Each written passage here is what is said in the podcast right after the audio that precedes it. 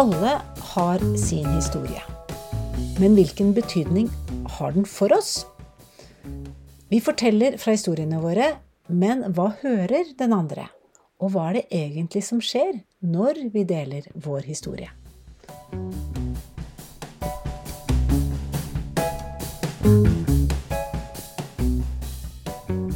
Alle mennesker har sin egen historie. Alle historier kunne ha blitt nedskrevet og utgitt som fysiske bøker, om det var ønskelig. Alle historier har noe i seg som kunne hatt nytteverdi for andre mennesker. Men hvis alle personlige historier ble utgitt som fysiske bøker, da ville det skapt en uoverkommelig mengde av informasjon som vi ikke hadde klart å ta inn over oss, uansett hvor mye vi hadde ønsket det.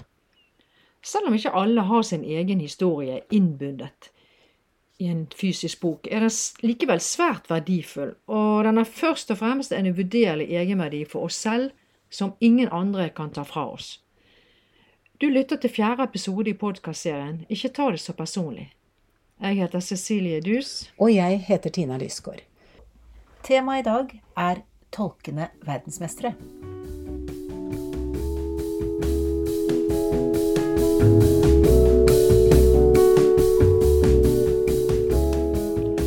fortsetter med de fire keisene. Hei, Anne. Hyggelig å se deg. Like måte. Eh, har du forresten vært inne på websidene våre? Ja, og jeg syns de er skikkelig fine, men de er for lite levende. Eh, syns du? Anne får en reaction. Og hun gjør en action for å beskytte sin opplevelse.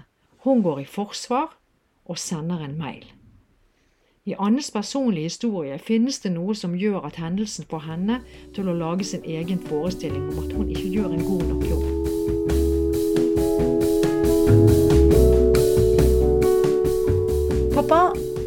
Skal bare hente pennalet mitt. Ole, pennalet ditt ligger i sekken din i gangen. Åh, det er ikke det pennalet jeg skal ha. Og pappa, du maser så fælt. Maser? Jeg? Jeg prøver bare å hjelpe. I pappaen utløses en reaction, og deretter gjør han en action for å beskytte sin egen opplevelse. Han gjør tilbaketrekking og går ut i hagen og klipper plenen. I pappaens personlige historie finnes det noe som gjør at hendelsen får han til å lage sin egen forestilling om utilstrekkelighet.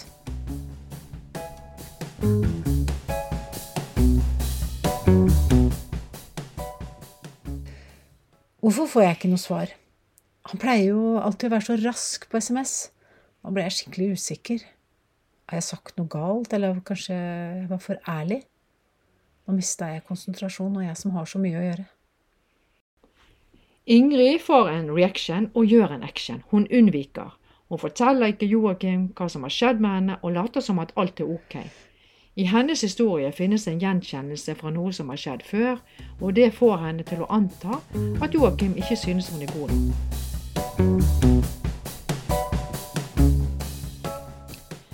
Hva var det du drev med på skolen i dag, Mikkel? Du hilste ikke og var skikkelig overlegen.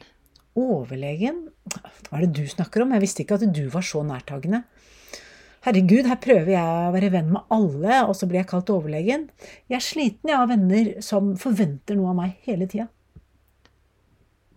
Mikkel får en reaction, og han kjenner på et press. Han gjør umiddelbart en action og angriper Eivind. Bakgrunnen for at han får en reaction, ligger i hans personlige historie. Anne, pappa til lille Ole, Ingrid og Mikkel har hver sin livshistorie og har ulike reaction og actions, men de har alle ett fellestrekk.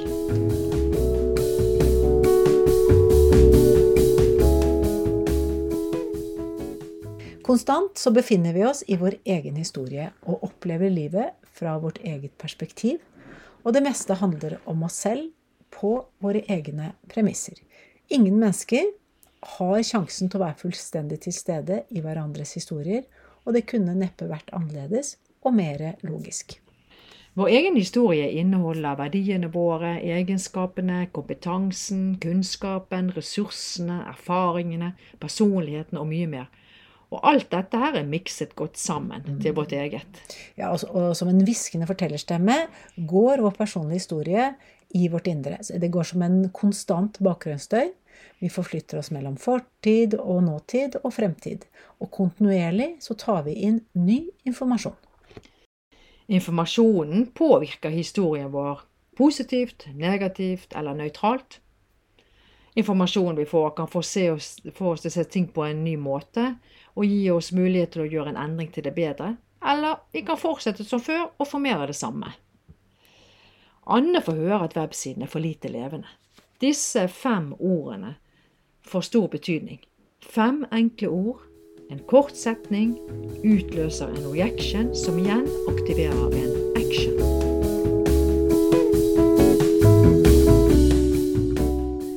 Livshistorien vår har en avgjørende betydning for oss, fordi det er i vår egen historie vi kontinuerlig befinner oss. Jeg tviler på at det er mange som kan være uenig i dette. For at historien vår skal gi mening, trenger vi ord. Alt det som skjer eller ikke skjer, lages som ord. Ordene bruker vi når vi deler historier med hverandre. Og et ord det består jo av én eller flere bokstaver eller tegn, og vi kan skrive og lese dem. Et ord uttrykkes som korte eller lengre lyder, og vi kan høre og oppfatte dem. Men ordene det er så mye mer enn det.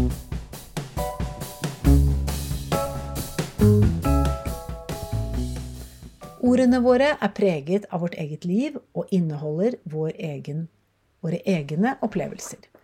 Hva hver og en av oss legger i det enkelte ordet, det vet vi faktisk ikke. Fordi ordene består av noe som verken kan ses eller høres. De har en ekstra dimensjon av sansene våre.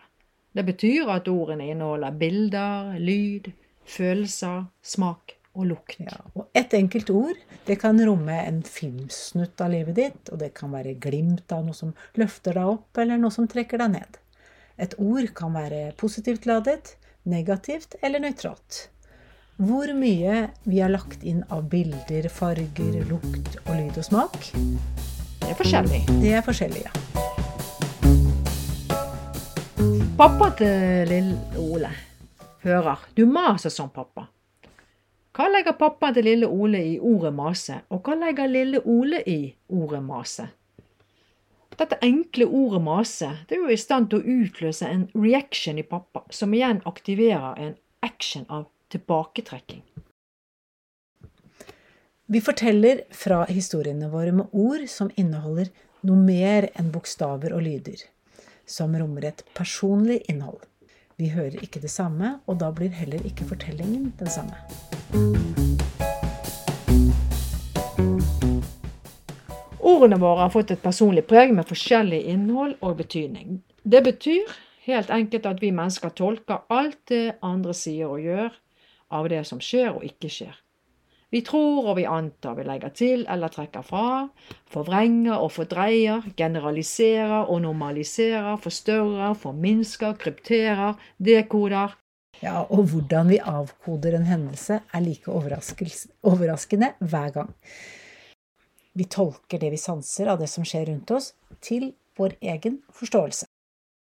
Vi registrerer noe og oversetter det til noe som gir mening for oss selv. Mm. Og dette trekker vi inn støtt og stadig og bruker for alt det er verdt. Og resultatet vi får, kan skape en, en tilstand i oss som vekker alt fra totalt begeistring til fullstendig fortvilelse. Ingrid får ikke svar fra Joakim. Ingrid tolker et ikke-svar til noe personlig og legger på sin egen mening. Mikkel hører han er overlegen. Han ser på seg selv som en god venn. Men denne gangen så vet han at han ikke har vært det. Når vi deler historiene med andre, da tolker vi hverandre og får vår egen versjon.